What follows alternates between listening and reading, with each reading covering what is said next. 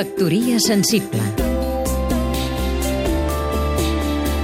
Vicenç Altaió, escriptor i activista cultural.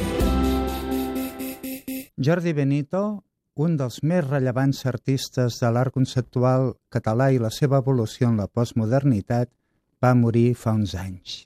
Pràcticament com un pòtol d'andi damunt la taula preparant nous projectes, a finals del que va ser el sistema artístic en l'estat del benestar, sota els símptomes d'una gran crisi.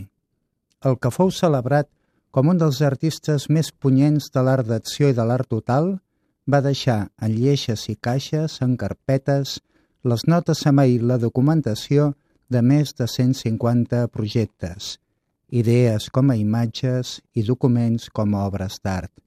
És, amb aquest títol, que es pot veure al Museu de Granollers una sorprenent recuperació per rellegir l'època de la transició, el paper dels conceptuals, dels espais alternatius i de les transgressions als nostres primers museus.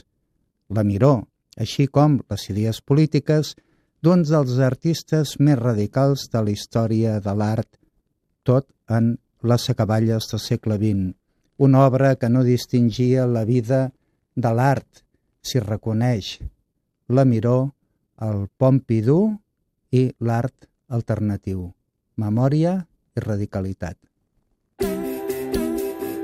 Factoria sensible Seguim-nos també a catradio.cat